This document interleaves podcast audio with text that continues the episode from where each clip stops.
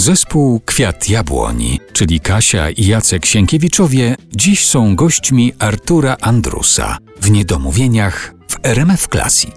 Czy odnosicie wrażenie, że ludzie słuchają całych tekstów w piosenkach, czy koncentrują się raczej tylko na tytułach albo jakichś chwytliwych zwrotach, takich szlagwortach? To jest niesamowite, że faktycznie ludzie się skupiają na całych tekstach. I bardzo często dostajemy takie sygnały właśnie od ludzi, że te teksty są dla nich ważne, tak życiowo, że im pomagają.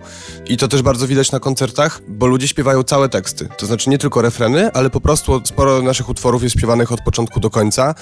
I może też dlatego tak tęsknimy za tymi koncertami, bo po prostu granie dla publiczności w przypadku naszych koncertów e, jest zupełnie innym przeżyciem, bo my tworzymy tą muzykę razem z ludźmi, którzy nas słuchają i to jest bardzo przyjemne uczucie.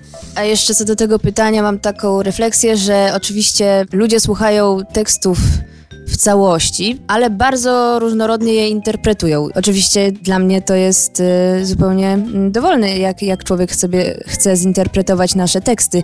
My myślimy o czymś konkretnym, je tworząc, ale to bardzo przyjemne, że te teksty mogą być uniwersalne, ale ku naszemu zaskoczeniu te teksty nasze są bardzo często interpretowane religijnie, czego nie mieliśmy ani przez chwilę w założeniu tworząc je. A mamy ogromną y, rzeszę odbiorców y, słuchających ich pod kątem właśnie takim religijnym.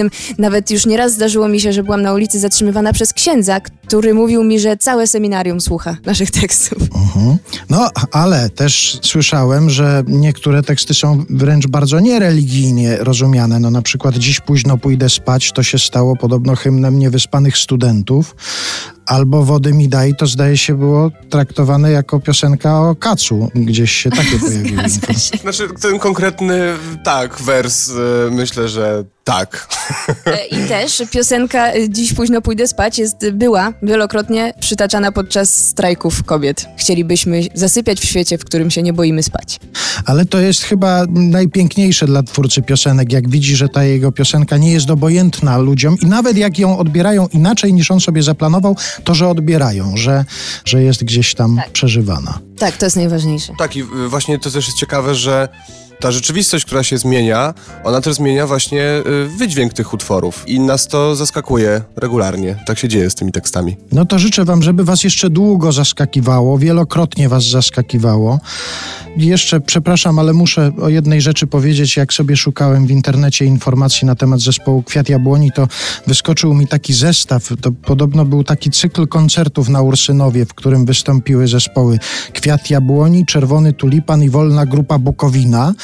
To moim zdaniem to już jest zestaw reprezentacyjny ogrodów botanicznych, bo jeżeli Bukowina to las bukowy, Czerwony Tulipan i Kwiat Jabłoni, to już można ruszyć w trasę po ogrodach. Ja bym jeszcze tylko Dua Lipa dołączył do tego.